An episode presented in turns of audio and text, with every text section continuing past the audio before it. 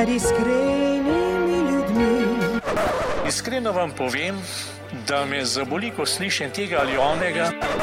Prejmite, prosim, iskreno uh, izraze mojega obžalovanja. Well, I think that I'm an honest person. I feel I'm an honest person. Težko je biti pameten, če sem čest iskren. To je doista bila moja iskrena želja.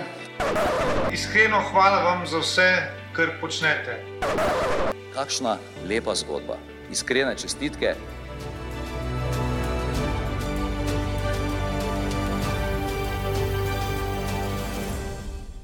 Drage poslušalke in spoštovani poslušalci, prisrčno dobrodošli v šesti oddaji najbolj iskrenega podcasta. Podcasta, kjer ne ustvarjamo mnen, ampak skušamo spremeniti kakšno srce.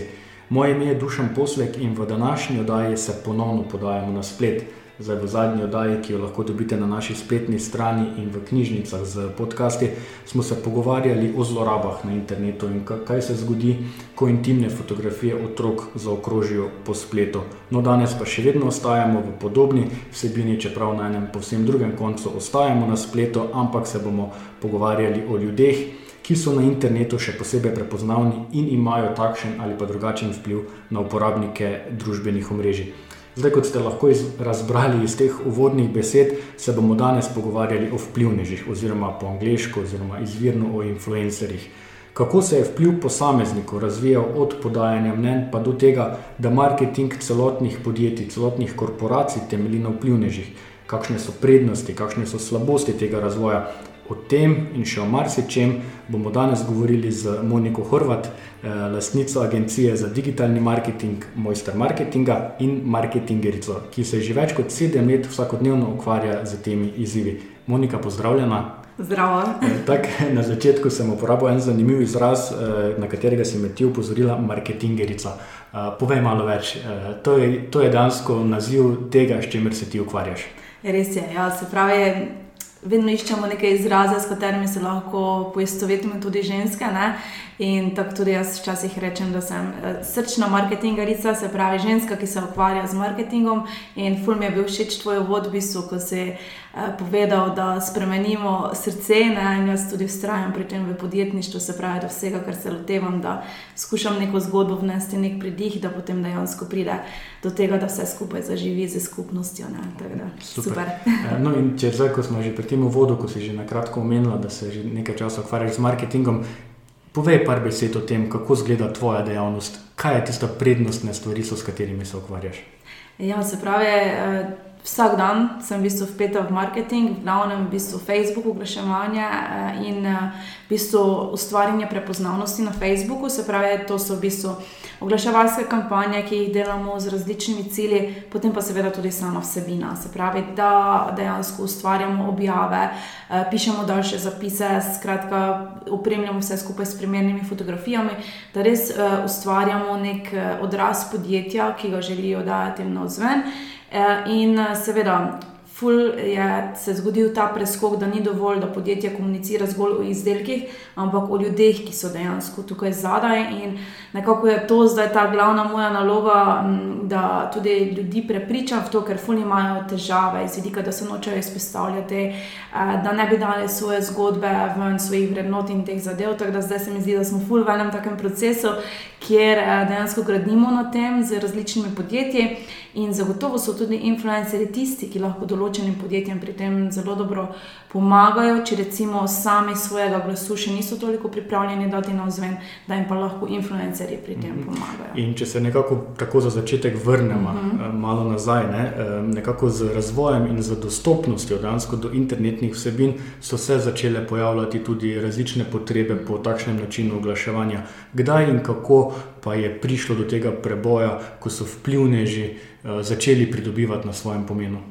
Ja, v bistvu nekako so se pojavili že takoj po pojavu Facebooka, se pravi od leta 2004 naprej v tujini, medtem ko največji razmah pa se je začel dogajati tam po letu bom rekla, 2016, ko smo najprej v bistvu prepoznavali blogerje. Se pravi, takrat se spomnim, da smo v glavnem iskali nekoga, ki je recimo spisal blog, daljši blog, kjer je uh, ali predstavil izdelek, storitev, ki jo nekdo nudi, skratka iz svojega vidika, medtem ko ta, potem pa je vedno bolj pač začel pridobivati na veljavi tudi video in so se začeli vlogerji in tako se je v bistvu ta proces dogajal. Uh, s tem, da ja, na začetku pač.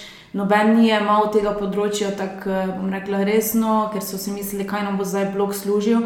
Medtem ko zdaj, ko pa se je pač ta preskok zgodil iz vidika influencerjev, da kažejo tudi svoje zasebno življenje in te zadeve. Ne? Pa se mi zdi, da se je zelo, zelo uh, ukrepilo uh, tudi z Instagramom. Je bil še en tak en dodaten vidik, ker je vseeno Instagram še bolj, bom rekla, oseben kot pa recimo Facebook. Ne? In uh, v Sloveniji, recimo zadnjo leto pa pol, se dogaja res enormna rast. Če se spomnim Instagrama, pred letom pa pol je imel okrog 200 tisoč uporabnikov, zdaj smo že čez 400 tisoč, tako da je res krat dva. Ne? Novo je pa seveda še TikTok, TikTok pa zdaj v bistvu eh, nekako pridobiva na če dalje večji veljave, tam pa so seveda še ene drugo vrstne vsebine zraven, o katerih pa bo v nadaljevanju še več povedala. Tako, ja, bomo se na TikTok eh, vrnila še uh, malo kasneje. Um, nekako zanimivo mi je to, ko smo se mi dva pogovarjali o tem najnem pogovoru, so mi tudi uh, ti opozorila, ne, da je uh, v letu 2018 ne, je Google zabeležil, mislim, da se je rekla več kot 60 tisoč iskanj uh, besede influencer marketing. To pomeni, da vsa ta večja podjetja res dajo vedno več pomena prav na tak tip način oglaševanja. Ne. Res je. Ja, pač podjetja so tudi ugotovila, da enostavno pač influencerji so ljudje, ki jim uh, pomagajo na pristen način širiti glas naprej. Mm -hmm. Seveda je fully pomembno, kako se povežejo z njimi, uh, da pač najdejo te prave. Uh, in ja, iskali so enostavno, zdaj, kaj to sploh pomeni. V prvi vrsti so pač hoteli ugotoviti, kaj to sploh pomeni. Ne? Se pravi, samo podjetja, v drugi vrsti so bili to posamezniki, ki so dejansko iskali, kako sami lahko postanejo influencerji in so iskali napotke. Um, in uh, zato je pa pač posledično bilo toliko iskanja te besede, ker so se iskali eni in drugi med sabo, kako bi zdaj našli neko uh, skupno pot. Ne. Kot praviš, da so se iskali tako eni kot drugi, uh, se strinjaš uh, za mojo trditvijo, da je vplivneš lahko vsak. To pomeni, objaviš neko vsebino, začneš zbirati neke všečke in nenadoma postaneš vplivneš. Se strinjaš s tem? Ne. ne. ne strinjam se, uh, zato ker pač vsak dan sem res vpeta v to področje in vem, uh, koliko časa ti pač vzame, da pripraviš neko dobro objavo, da sploh najdeš vsebino, ki jo želiš komunicirati, uh, da zapakiraš vse skupaj na način, da se to dotakne tvoje skupnosti, da res pride do nekega odziva in enostavno ne more biti vsak vplivnež. In tisti, ki res imajo za sabo neko, neke sledilce, neko določeno bazo, dejansko pač morajo na tem delati konstantno. Ne? Ker po eni strani se nam zdi, mislim, tudi jaz imam fulizive, ko recimo neko nove podjetje pride, ki želi sodelovati z mano, ne? in potem, ko pripraviš ponudbo eno drugo, pa si mislijo, kaj zdaj, ne, zakaj je to pač taka ponudba. Ampak če pa se začnejo sami s tem ukvarjati, potem pa vidijo, da te ena objava ne vzame zgolj pet minut na dan, ampak je res potrebno neko določeno načrtovanja, mogoče fotoshooting, um, da res izpelješ neko zgodbo, s katero potem pritegneš. Ne? In ti vplivneži, ki so, pač morajo res. Um, po eni strani žrtvovati svoj čas, da vsebine načrtujejo, da pač si zgradijo uh, neko zgodbo, ki jo hočejo peljati, uh, po drugi strani pa itak žrtvujejo tudi, bom rekla, na nek način delček svoje zasebnosti, če se želijo približati. Mm. Um, in tisti, ki ni pripravljen, tudi to, bom rekla, mejo rahlo prestopiti, tudi ne pride do takšnega odziva, ne? ker ljudje pač hočejo videti to ozadje in če jim ne daš tega, tudi ne moreš tako skupnosti graditi. Umenila um, si že, ne, da eh, se z mojo trditvijo ne strinjam, da je lahko vsak eh, dober vplivnež, oziroma da je lahko vsak vplivnež. Umenila si tudi nekaj uh, lastnosti. Pa imaš ti občutek, lahko mi sploh govorimo o dobrih in slabih vplivnežih? Lahko sploh postavimo neko ločnico, kdo je dober in kdo je slab, ali je to čisto subjektivno? Uh, lahko, seveda lahko postavimo. Uh, mislim, pri dostih podjetjih, ko ogromno sodelujemo z vplivneži, uh, takoj vidimo um, če so pač dobri ali če niso.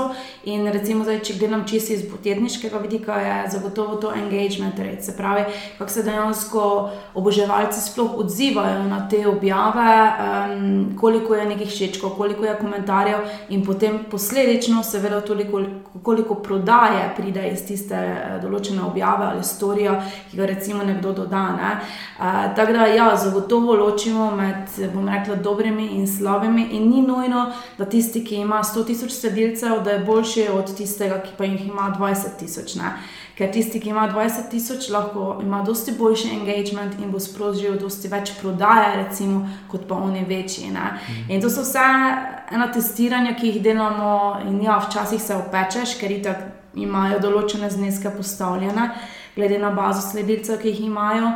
Ampak, če ne testiraš, ne veš. Ne? In um, ja, zagotovo pa. Dobra lastnost je zagotovo pristnost, se pravi, morajo biti kredibilni, morajo se znati povezati z občinstvom, morajo uh, objaviti zadeve, uh, ki so jim dejansko pisane na kožo. Se pravi, če nekdo vem, objavi uh, nek šampon, ki ga objavi zgolj iz promocijskega namena, dejansko pa potem ni zadovoljen z njim, uh, ga ne uporablja sicer v življenju, s tem dejansko izbija kredibilnost, se pravi, ni to tako pristno in to se tudi odseva iz samih objav. Tako da ta pristnost se mi res zdi pač ful ključna. In tudi strast neko morajo izražati. Ne? Se pravi, če gledamo recimo storije, ki so itak zdaj ful priljubljene. Um, in tam je večinoma video oblike, in tako začutiš človeka, s kakšno energijo uh, doda tisti video. Rekla, in če tam ni neke strasti, neke všečnosti, s katero v bistvu privabiš uh, sledilce, da te spremljajo še naprej, potem to hitro, um, hitro izveni. Ne? Tretja stvar pa je, da enostavno ne morejo biti oglasna deska za, za, za različne izdelke. Ne. To tudi smo zdaj že fully opažali, da določeni influencerji, ki imajo ogromno objav, pa so zgolj promocijske narave, pač s časom izgubijo na kredibilnosti, ker se zdi, da pač vzamejo vsak izdelek, ki je in to ni ok. Ne. Se pravi, moraš si vseeno narediti neke smernice iz tega vidika, in se ne smeš dati podkupiti čisto vsakomor, uh, samo iz vidika zaslužka, ampak res tiste stvari, uh, ki so del tebe, ki te pritegnejo in na takšen način pač graditi.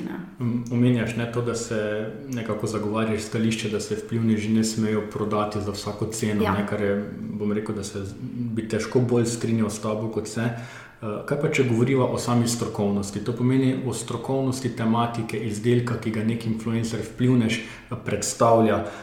Je strokovnost dovolj visoko postavljen pogoj, eh, da, lahko, da lahko nekdo reklamira neki izdelek? Ja, zagotovo je strokovnost pomembna, zato ker pač influencerji so osebe, ki imajo velik vpliv na ljudi, ki jih nagovarjajo. In tukaj menim, da predvsem, če gre za nekaj zadeve, ki zahtevajo poglobljen, um, bom rekla, premislek, mogoče iz vidika, kaj pa vem, kakšnih prehranskih dopolnil ali pa mogoče um, ne vem, kakšnih sirupov za imunost ali neka podobna zadeva. Ne? Tukaj bi res pač morale influencerji narediti neke primerjave, uh, neke bolj poglobljene zadeve, ne pa zgolj na prvo žogo nekaj objaviti, ker dejansko lahko naredijo s tem več škode kot koristi. Teda tudi tukaj sem vesela, da so določeni primeri, da se dejansko vzamejo tudi influencerji čas. Um, da preučujejo tudi po mesec dni določene zadeve, to tudi povejo eh, sledilcem, tako da se dogajajo določeni premike. Če pa ne naredijo tega, pa je zagotovo njihova odgovornost na tem, da povejo, da niso strokovnjaki na tem področju, da opozorijo na to, da izražajo zgolj svoje osebno mnenje. In tudi tukaj, pač glede na to, kakšni odzivi se dogajajo, se mi zdi, da so pač na tekočem iz tega vidika, da, da pač to zraven pripišejo. Ne? In to se mi zdi tudi pač moralno odgovorno, da se na takšen način naredi. Uh, ja, je pa seveda strokovnost še potem iz njihovega lastnega področja, ker dosti jih je um, pač strokovnjakov ali iz vidika mode ali iz vidika prehrane. Da pač so influencerji na določenem področju, in se mi zdi, da ti nišno naravnani influencerji imajo tudi prednost, kot pa določeni, ki objavljajo nekaj vse povprek, brez neke rdeče niti. Tako da strokovnost je zagotovo tudi ena izmed ključnih zadev, ki jo mora uh, influencer zagotavljati. Um, tole, ne, kar praviš, torej tematska uh, opredelitev samega vplivneža influencerja. Če bi tako recimo mogla pogledati zdaj v naše slovensko okolje, ne, uh, kje smo slovenci, kje, je kje so slovenska družbena omrežja, ko se pogovarjamo o vplivnežih, glede na njihovo vsebino, prepoznavnost. Znajo se naši slovenski vplivneži tudi tematsko opredeliti? Ja, uh, menim, da se znajo, ker. Uh, jih je kar nekaj, zdaj, ali recimo na temo potovanj. Recimo Tomaž Gores, tak, ki, ki daje ful iz vidika Slovenije, iz vidika tujine, tudi ki potuje, tako da on je recimo na potovanja uh, specificiran. Uh, potem uh, Petra Porovel, ona recimo iz vidika fitness, uh, prehrambene industrije, tudi ne, da pač objavlja uh, komutar minuta, ki je itak ful poznan, ne, avtomobilizem in potem posledično še kaj drugega zraven vpletene. Lepa afna je že dolgo časa, ličenje, ona je s tem pač začela, potem pa je seveda zraven pripletla še lifestyle, pa še prodaja zdaj recimo šolske potrebščine in je na takšen način še razširila svoj biznis. Ne. Uh, Adriana Dimec, ona je bolj v modnem področju, eh, tako je začela in potem spet zdaj zraven komunicira še družino, se pravi, take vrednote in dejansko raste iz dneva v dan. Ne? Tako da, ja, jih je, mislim, večina se mi zdi, da so kar usmerjeni. Uh, tematsko, um, ker se eno na takšen način, bom rekla, uh, bolj pritegnajo um, in se pač lažje potem ljudje poistovetijo, koga bi recimo spremljali. So pa določeni, ki pa nekako skušajo zaobjeti bolj, bom rekla, ali družino, se pravi, da pokrivajo večje območje uh, in zraven še pač vse, kar spada vsem zraven, recimo v psiuršku, jaz tukaj rada spremljam, ker ima in kulinariko, in za otroke, in bom rekla, nek. Uh, šport, prosti čas. Skratka, ta, ona pa ima recimo vsa področja, ampak do, nagovarja določeno publiko, ki pa ji pač vsi na svetu pridejo prav iz neke določene smeri, ampak se pove, da je pač to iz njenega vidika, kar je ona pač potestirala, kar je ona doživela in je v tej smeri bolj. Tako da. Izbira je zagotovo raznolika na slovenskem trgu in menim, da si pač vsak lahko najde nekega vplivneža, ki mu enostavno je všeč, ki mu sledi. In, Tako, in od katerega zgodbo najprej zjutraj pogleda, ja. da se stane. Pa imaš občutek, oziroma tudi ti verjetno poznaš malo bolj te podatke, lahko ti naši slovenski vplivneži preživijo s tem, kar počnejo, torej samo z objavljanjem, z reklamiranjem, je to dejansko panoga, s katero se lahko preživljajo. Uh, jaz menim, da je. No? Pač če, če si zastavijo to kot neko um, misijo iz vidika, da pač hočejo tukaj uspeti, uh, da se hočejo temu posvetiti. Itak morajo vložiti ogromno časa in energije, da sploh si naredijo neko bazo sledilcev, da, da pač do tega pridejo. To terja seveda čas in denar, zato na začetku zagotovo še vsi imajo neke dodatne službe. Ne? da pač pridejo do tega koraka, potem pa če pač znajo dobro sodelovati s podjetjem, je to zagotovo lahko prava, prava stvar. Uh, zdaj, čisto odvisno je seveda od obsega sodelovanja, ki je. Ampak menim, da, da se da. Ne? Zdaj, nekateri še zraven potem delajo kakšno upravljanje eh, spletnih družbenih omrežij za druge, kar se mi zdi, da je tudi fajn eh, kombinacija, da lahko še svoj posel razširijo. Eh, tretji pa pač mogoče še dajo zraven kakšne svoje lastne izdelke ali napišejo kakšno knjigo ali recimo kakšno kolekcijo vem, šolskih potrebščin, tako uh, afna. Skratka, določeni še potem na takšen način razširijo, kar se mi zdi pač ful dobra poteza, ker itak imajo svoj bazen sledilcev, ki so res pač njihovi ne? in zakaj ne bi potem z nekim lastnim izdelkom to še v bistvu razširili in se mi zdi pač top kombinacija. Ne? Ampak ja, za neko. Uh, osnovno preživetje, oziroma za neko normalno plačo, za nek normalen prihodek, pa se mi vseeno zdi, da se da uh, na takšen način tudi. Ampak da ne bova preveč idealizirala, ja. uh, vseeno je še vedno pogoj strokovnost, korektnost. Tako, uh, le takšni bodo tudi na ja. dolgi rok preživeli. Ja. Ne? Da ne bomo zdaj rekli, ja. tako si že prej rekla, številke sledilcev so zelo relativna ja. zadeva. Vemo, da se številke lahko tudi kupijo, ne na zadnje. Ja. In je vse to na nek način samo navidezno. Uh, navidezni bazen. In preživeti s tem, pa res pomeni, da si dober in strokoven na področju, ki ga uh, nekako zagovarjaš. Ampak še eno področje, ki si ga tudi ti prej uh, že omenila, je to, da nas ti naši vplivneži, oziroma ti, ki jih spremljamo na družbenih omrežjih, nas vsaj na videzno spustijo zelo blizu svojih eh, osebnih življenj. Ne? Objavljajo vsebine, ki se nanašajo na njihove družine, na njihove otroke, na njihove hišne ljubljenčke, izlete, morja, karkoli. Ne? In bi lahko rekli, da smo ljudje po naravi radovedni in da nas ravno zaradi tega, zaradi zanimanja o teh podrobnostih in vsakodnevnem življenju teh vplivnežev, ravno zato. To področje tako privlači, in ne na zadnje, vplivneži zaradi naše radovednosti lahko preživijo s tem. Ja, zagotovo. Mislim, uh, če če vplivne že ne bi imeli nas, se pravi, kot sledilcev, ne, uh, zagotovo ne bi mogli preživeti. To je pač prvi pogoj. In ja, ena stvar je, da pač nas znajo pritegniti, da nas znajo narediti radovedne, se pravi, da pričakujemo od njih, uh, kaj se jim bo pa zdaj zgodilo, oziroma kaj bodo delali na današnji dan. Ne.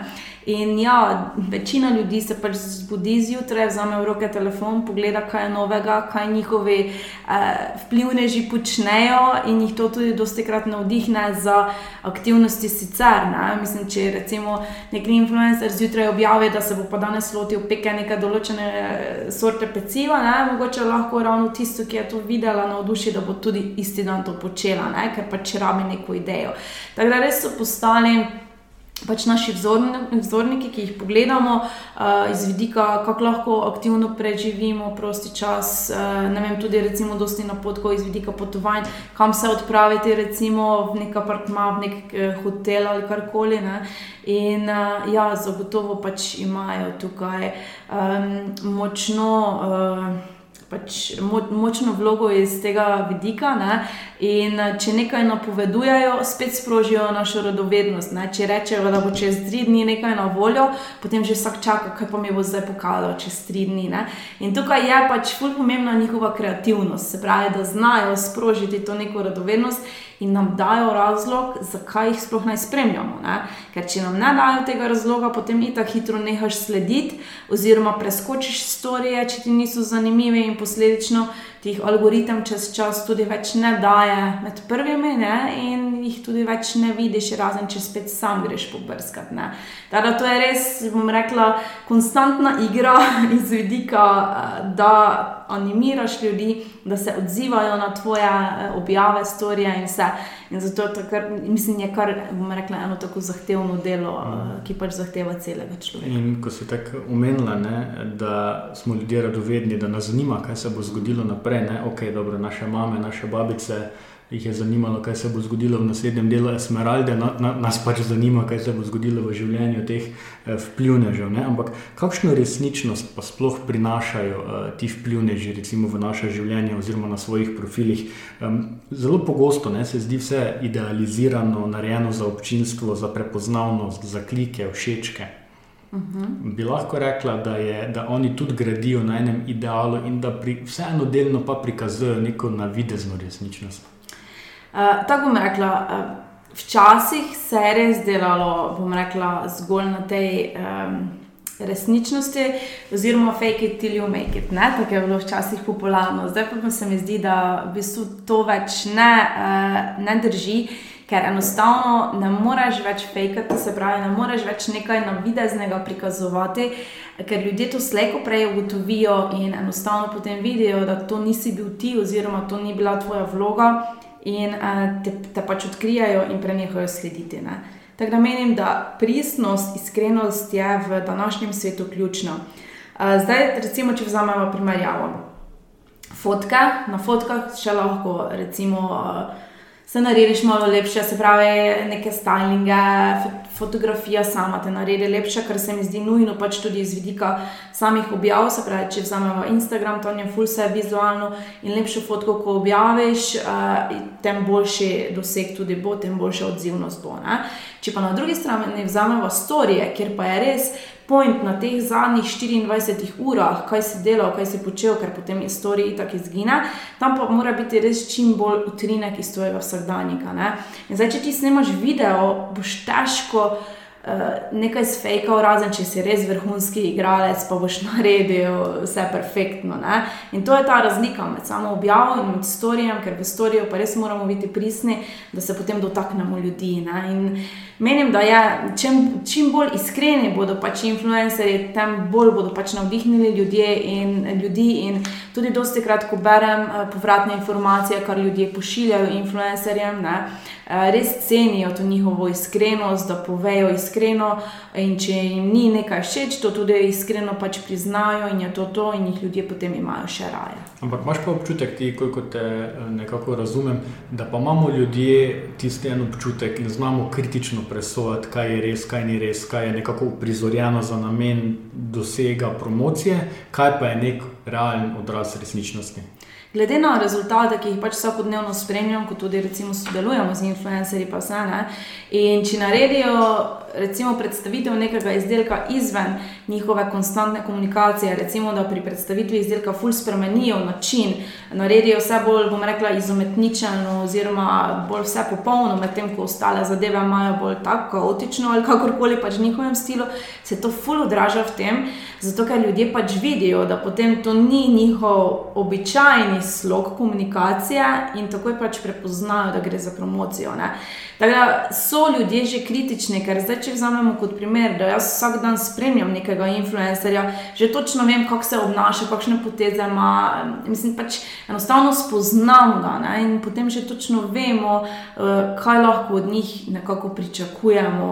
Ne? Ker dejansko jih spremljamo do potankosti. In dosti krat mi je ful zanimivo, uh, ko včasih prejmejo influencerje take opaske, vem, kje pa recimo imaš verižico, ki si jo nosila več čas, zdaj pa je več nimaš. Ne? Se pravi, ljudje smo pozorni na take detajle, ko mogoče sam influencer sploh ne opazi. Um, in potem, ko prejme takšno vprašanje, dejansko vidi, da ga ljudje od A do Ž prečekirajo in vidijo vse njegove lastnosti. Tako da tukaj mislim, da smo že kar ljudje um, previdni iz tega vidika, oziroma jih že znamo nekako preceniti. No. Um, pred kratkim so uh, družbena omrežja dobesedno uh, preplavile objave znanih in pa tudi manj znanih slovencev, ki so vsi praktično naenkrat začeli objavljati, reklamirati eno izmed spletnih strani, spletnih trgovin, ki je takrat vstopala na slovenski trg in govoriti o isti zadevi, vabiti k nakupom in podobno. Um, meni osebno recimo, so vse te množične objave, vseh naenkrat zbile ta občutek kredibilnosti. Smo takoj občutek, da so zadeve najprej to, to, popolnoma sfinancirane, kar je zagotovo tudi v ozadju, in zgubljajo, vsaj pri meni, na kredibilnosti. Kako si pa ti videla takšno potezo, iz, mogoče iz marketinškega vidika? Ja, mislim, za mene je bila to popolna marketinška poteza, uh, ker sem smislila, wow, kako so dejansko pritegnili tolikšno množico influencerjev, ker to so itak mogli ful vse skupaj načrtovati, da o budžetih v bistvu sploh niti ne govorimo, ne, uh, koliko je to za sabo potegnilo in dejansko je to preplavilo uh, slovenska omrežja in posledično tudi kam si se obrnil kot uporabnik, vse posod si to video. Ne. In te je enostavno nagovorilo in tisti wow efekt je bil prisoten, čakaj, če on, pa če on, pa če on pač o tem govori, potem že nekaj mora biti na tem in dajmo se pridružiti. In takšen efekt je tudi bil, mislim. Rast je bila enormna, prodaja, vse skupaj in to, kar so dosegli z influencerji, je bil pač res tisti pravi namen. In uh, ja, na eni strani so bili takšni uporabniki kot, kot ti, se pravi, ki so zaznavali to kot nekaj nekredibilnega, pač zakaj zdaj vsi o tem govorijo, ne? jaz pa bom pač izven, jaz se pa ne bom pridružil temu toku. In tudi nekateri influencerji so zavrnili sodelovanje, pač se niso hoteli pridružiti, uh, ker jim je bilo pač enostavno tumačne. Ampak tista večina, tista velika množica je pa pač se pridružila temu gibanju in posledično so tudi številke rasle, uh, ker ta druga množica je pač to dojemala, da če vsi o tem govorijo, da pa potem že mora biti dobro. Ne? In In tudi celotna kampanja, ne na zadnje, je. je bila na tej logiki postavljena. Ja. Ne bomo prepričevali vseh, ampak ja. kritično maso, ki jo potrebujemo za zaslužek. In to jim je več kot Tako očitno tudi, eh, tudi uspelo. Um, zakaj te sprašujem, oziroma uh, zakaj je mogoče mene celotna zadeva delovala nekredibilno? Predvsem zato, ker sem imel občutek, da nam skušajo naenkrat vsiliti informacijo o tem, da prihaja nekaj novega, odličnega in tako naprej Naredili so to s pomočjo vplivnežev, kar je seveda povsem njihova pravica, ampak dan danes so informacije dostopne na internetu. Pomeni, vsak se lahko preveri o kvaliteti produkta, storitve sam. Ne. Oni so pa se mi zdi, da hoteli en boom ustvariti nenadoma v trenutku s pomočjo vplivnežev. Ne. Ampak kot praviš, ne, verjetno je logika res v tem, da pripričali bomo večino, ne pa vseh. Ne. In pač mogoče sem jaz na tisti drugi polovici. E, tako, no. zato, sem te, zato sem te mogoče malo izzval tudi z, z tem vprašanjem. E, misliš, da smo ljudje, da smo uporabniki interneta na nek način leni, da mogoče uporabim to grobo besedo in raje. Ajde, rečem, zaupamo besedam, temu, kar vidimo, kot pa da bi sami preverili neko informacijo. Ja, predvsem, če gre rekla, za neke izdelke, ki niso pač dražje, recimo, da govorimo o izdelkih do 30 evrov. Ne? Tukaj smo ljudje precej leni. Pač enostavno smo preplavljeni iz vseh strani in si potem ne znamemo toliko časa za neko lastno raziskovanje, da bi šli še sami karkoli pobrskati. In ja, potem nam je dejansko lažje, da slišimo informacije od vplivneža, recimo, in nas to recimo prepriča. Tako da, ja, dejstvo je, da smo se pač ful navadili na to, da hočemo po najkrajši poti priti recimo, do nekega izdelka. Zato tudi recimo spletne trgovine, ki nimajo optimiziranih zadev, ker se dolgo časa zadeve nalagajo, ker moraš milijon zadev izpolniti v košarice ali karkoli, pač nimajo takšne stopnje prodaje, kot pa tam, kjer dejansko greš v enem toku in v en, dva, tri eh, pač izdelek lahko naročiš. Ne? In eh, pač ta hitrost je res v današnjem času ena taka vrlina, ki ki jo pač ljudje moramo nekako začutiti, ker sicer nas pač izgubijo. Ne? In zato pač, ker tudi influencerji hitro komunicirajo zadeve, recimo v dveh, treh storijih povejo bistvo in te že prepričajo k nakupu, zato je to tudi prešlo uh, na takšne razmere, vse skupaj. Mm -hmm. um, Monika, nekako smo na začetku omenili, da so različni načini, kako influencerji vplivneži. Eh, komunicirajo eh, z javnostjo oziroma s svojim občinstvom. Pa da je zdaj nekako usmeriti še na eno drugo področje. Vemo, veliko vplivnežev tudi v Sloveniji v svoje storije, v svoje objave, vključuje tudi ponavadi no, svoje otroke. Um, tako otroci nekako postanejo vsaj posredno neko sredstvo za doseganje večjega števila sledilcev. Jaz osebno imam občutek, da gre v teh primerih lahko tudi za neke vrste da ne bom pregrob, no bom rekel uporabo, da ne rečem zlorabo otrok za neke marketinške namene. Kakšno je tvoje mnenje o tem? Ja, mislim, eh, kot mama dveh otrok, zagotovo sem tega mnenja, da pač eh, nikoli ne smemo niti pomisliti na to, da bi pač otroke uporabljali eh, oziroma zlorabljali v marketinške namene. Mislim, to se mi sploh zdi zgrešeno. E, ja, seveda, otrok ne more sam izraziti svojega mnenja, če si želi biti pač del tega ali ne. Ampak če pač influencer to naredi na način, kjer bom rekla, eh, z neko ljubeznijo, na ljubeč način priključi otroke, eh, oziroma da jih v bistvu posredno izpostavi, ne, da bi sploh jih karkoli preveč poudarjali, kako koli, um, je, se mi zdi to pač ok. Um, ker moramo se pač zavedati, da pri, pri influencerjih je to res način življenja in se je nekako v bistvu tudi težko izogniti temu, da ne bi otrok vključili. Um, ker itak so, so z nami, so, okrog nas in če hočeš nekaj posneti, nek story pripraviti, se dosti krat v bistvu mogoče tudi ne hoče otrok noter pojavi. Uh, in če je pač staršu vplivnežu ljubezen, ljubezen do otroka na prvem mestu, da ga vseeno še zaščiti, um, da, da mu pač je ta ljubezen na prvem mestu, potem menim, da zagotovo nima slabih namenov, da bi ga kakorkoli v slabi luči pokazal ali da bi kakorkoli škodovalo to otroku na nadaljni poti. Ne. Tako da iz tega vidika menim, da pač to vsak influencer mora pri sebi porihtati, da potem gre v pravi smer. Ja, je pa, kot praviš, se popolnoma strinjam s tabo, uh, ko je to način življenja, je enostavno nemogoče potegniti črto, ločnico med zasebnim in pa potem med nekim uh, vplivnežom, oziroma med tem, kar predstavljaš, ker na zadnje tudi ljudi dosti bolj zanima ravno to, ja. ker vemo, internet je dostopen, ne? otroci imajo internet na dosegu roke, praktično vsakodnevno, v vsakem trenutku. Ja, eh, tukaj je pač ključna stvar, ki jo moramo pač starši imeti nekako v mislih, to, da se pač ogromno pogovarjamo z otroki. Brez tega enostavno uh, ne gre uh, in da pač ohranjamo ta pristen stik, ki, ki se mi zdi dosti krat, da ga je težko v današnjem času ohraniti zaradi vsega, s čimer smo poplavljeni, ampak ja, enostavno si moramo prizadevati, da res imamo. Eh, to tesno vez z otrokom in da se pač pogovarjamo, da nam zaupa, da nam pove, uh, da ga tudi mi spremljamo, kaj recimo brska na spletu, kaj se ogleduje, ker na vse zadnje, vse te podatke imamo na voljo, lahko si pogledamo vem, na YouTubu eh, zgodovino zadnjih ogledanih vsebin, uh, lahko potem skupaj recimo gledamo, um, ne vem, če recimo vzamemo TikTok ali Instagram ali karkoli. Recimo, katere influencerje spremljajo, kaj gleda, kaj mu je všeč, in se potem pogovarjamo kaj je prav, kaj ni, uh, zakaj mu je določena zadeva všeč. Uh, eh, okay, če influencer dela na nek določen način, ki mu morda ni čisto v naših okvirih, potem tudi otroku razložimo, da okay, to, to vedenje mogoče ni pravo, mogoče raje spremljamo nekoga drugega. Če pa že želiš njega spremljati, ker ima neke določene zadeve, potem pa se dajo pogovoriti, kaj pač ni spremljivo, da bi mogoče ti to prevzel iz vidika obnašanja ali kakorkoli. Ne. Čeprav tukaj je ful težko, ker otroci vsrkajo vse te vsebine, ki jih dejansko influencerji tudi predajajo.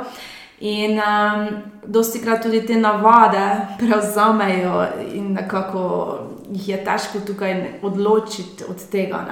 Uh, recimo moj sin, ko gleda te vlogerje, ki recimo snemajo um, kako igrajo igrice. Ne? In se je hrvaščino skozi poletje naučil, bom rekla, čez noč, ker je pač spremljal nekega hrvaškega eh, vlogerja in to je bilo prav neverjetno. Ne? Sicer je bilo vse ok, ni bilo nič spornega pač iz mojega vidika, ampak res, um, koliko znanja iz tega vidika mu je to doprineslo, pa je bilo prav zanimivo spremljati. Mhm. Tako da, če je neka vsebina ki je vseeno ok za otroke. Se pravi, ne vem, deklice gledajo kakšne eh, nasvete za ličenje, recimo od kakšnih vlogark, eh, fanti je mogoče nasvete za igranje igric ali pa za igranje nogometa, skratka neke take zadeve. To je meni ok, ne? čim pa gremo v neke razmere iz vidika mm, slabega obnašanja in teh zadev, tukaj pa tudi jaz potem potegnem črto in rečem, ok, to pa pač ni spremljivo. In, uh, in to ni vredno. Ampak, če se ne pogovarjamo z otrokom, če tega ne spremljamo, potem pa seveda tega ne opazimo. In zato je pač res ključno, da smo del tega, da izobražujemo otroke, da jim povemo, kaj je prav, kaj ni, in pa seveda, da jim omejimo tudi čas, ki ga preživijo na telefonih, na tablicah ali kakorkoli. To se mi tudi zdi ključno, zato ker če ti otroka pustiš.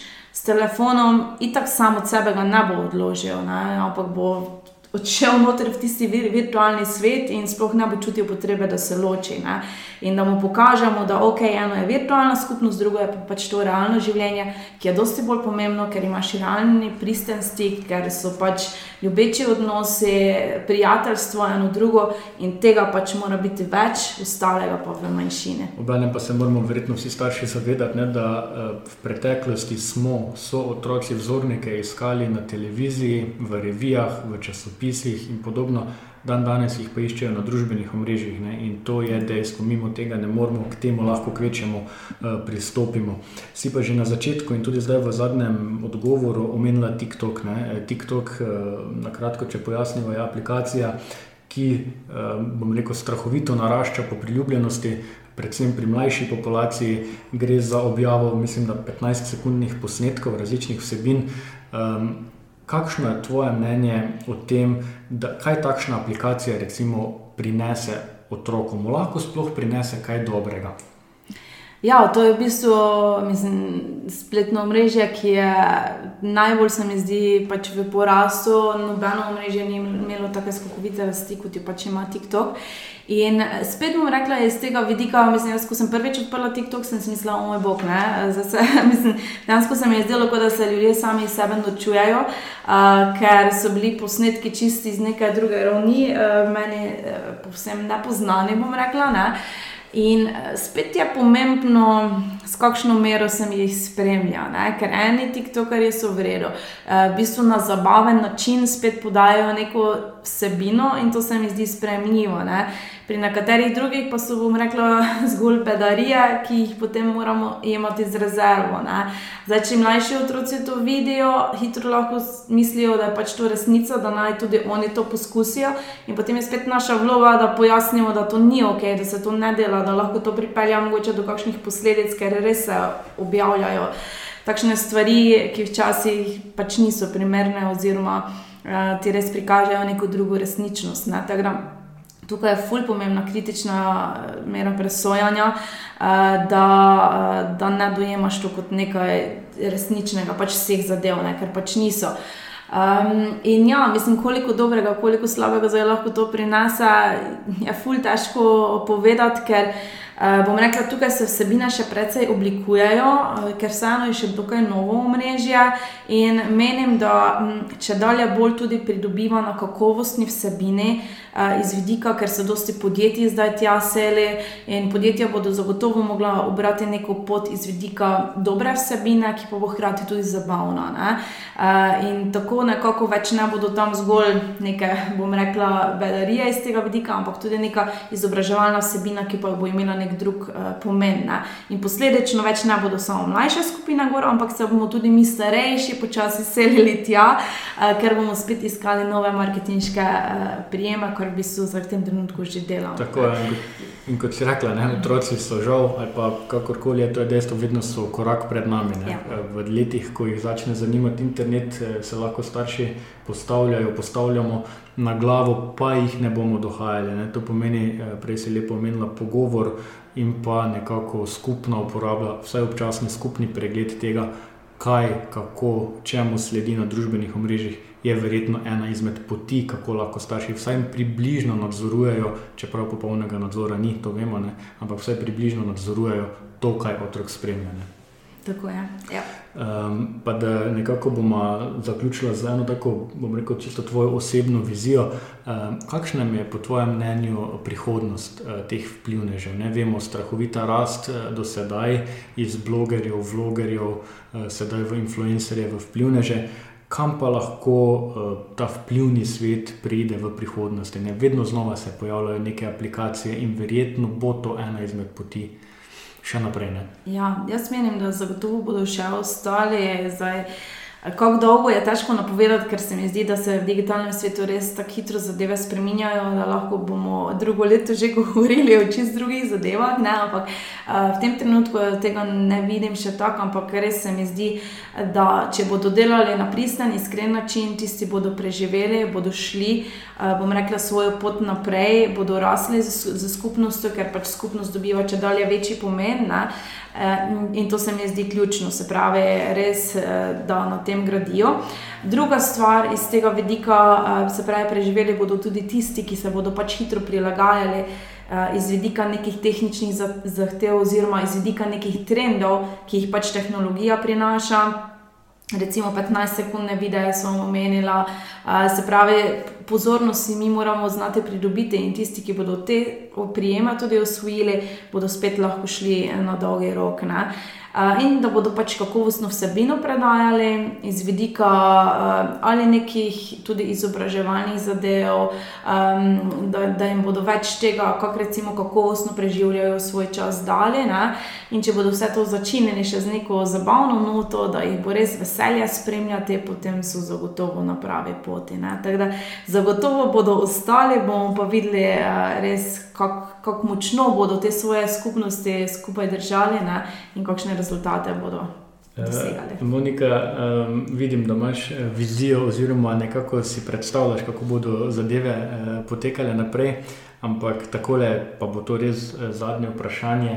Um, ko smo se pripravljali, pogovarjali o tem pogovoru, si rekla, da ima še vedno kar nekaj ljudi, kar negativen priokus, ko se pogovarjamo o vplivnežih, ko se pogovarjamo o influencerjih in njihovi vlogi v sodobni družbi, ampak ti nisi ena izmed njih. Ne? Ti gledaš dokaj pozitivno na celoten pojav. Lahko malo pojasniš takole, mogoče tudi s kakšnim nasvetom za starše, za otroke, takole za konec. Ja, mislim, pač čeprav bi mogoče včasih mogla imeti bolj negativen pristop, ne, ali jaz pač res skušam gledati iz pozitivne plati na vse skupaj, predvsem iz tega vidika, ker pač živim in delam po tem načelu, da res sama nekaj dobrega hočem pač doprinesti in verjamem v to, da tudi drugi hočejo na takšen način delovati. Ne. Ker menim, da zgolj na ta dober, pozitiven način tudi lahko uspešne. In vsi tisti, ki, ki bi pozivali k nekemu negativnemu vedenju, oziroma ki ne bi delali na nek pristen, iskren način, menim, da ti na dolgi rok res odpadejo in enostavno tisto, kar je res dobro, pa, pa preživi oziroma obstane. Um, Tako da na svet iz tega vidika za starše tudi res naj skušajo, ne bom rekla, omejiti oziroma odsekati ta del, ker ga enostavno ne morejo, ker pač živimo v tem digitalnem svetu, kjer se brez tega ne da, ne? ampak da skušajo na nek pozitiven način to vpeljati s pogovorom, z raziskovanjem, da skupaj odkrivajo pač z otrokom te zadeve ne? in potem bodo tudi otroci nek pozitiven odnos do tega razvili in posledično bodo tudi sami bolj kritično znali presojati, kaj pa je zdaj tisto, kar je vredno spremljati, česar, pač čemu je vredno posvetiti svoj čas. Ne? In se mi zdi, da je to zgolj tista prava pot. Se pravi, ne nek negativen pristop, ne neko odrezovanje v smislu, da pa to ne obstaja, ker itak čim bo pa otrok lahko do tega prišel. Pa bo in potem bo težava, če ne bo znal presoditi, da pa mogoče to za njih vredno. Tako, tako nekako jaz to vse skupaj dojemam. Super, eh, Monika, evo, eh, bom kar tako rekel, spoštovane eh, poslušalke, spoštovani poslušalci. Tako smo z Moniko Horvat, lastnico agencije za digitalni marketing, pripeljali to vsebino do konca. Za vsa vaša vprašanja, ki jih mogoče imate tudi o influencerjih, o vplivnežih, o različnih vidikih tega, ali pa če imate kakšno drugo vprašanje, predlog, kritiko, lahko to pošljete na moj elektronski naslov na dusanafna.iskreni.net. Eh, obenem pa lahko, oziroma vas povabim tudi, da ta podcast in da vse pretekle, ki smo jih že objavili, poiščete na naši spletni strani oziroma na platformah, kjer gostujemo. Eh, Monika, evo, za enkrat, oziroma na koncu še enkrat iskrena hvala za ta pogovor. Eh, verjamem, da se še v prihodnosti kdaj srečava in še posnameva kakšno oddajo, ker te, ti spletni izzivi oziroma ti vidiki spletnega marketinga so tako široki, da zagotovo še lahko pridejo v kakšno oddajo. Toliko za danes, iskrena hvala. Super, najlepša hvala tudi meni, je veselilo in vse dobro. Hvala.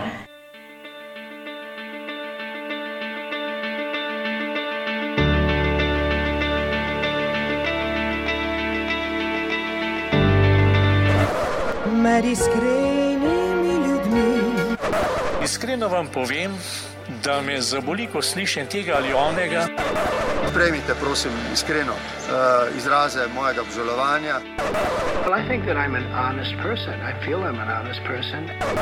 Težko je biti pameten, če sem čest iskren. To je doista bila moja iskrena želja. Iskreno hvala vam za vse, kar počnete. Kakšna lepa zgodba. Iskrene čestitke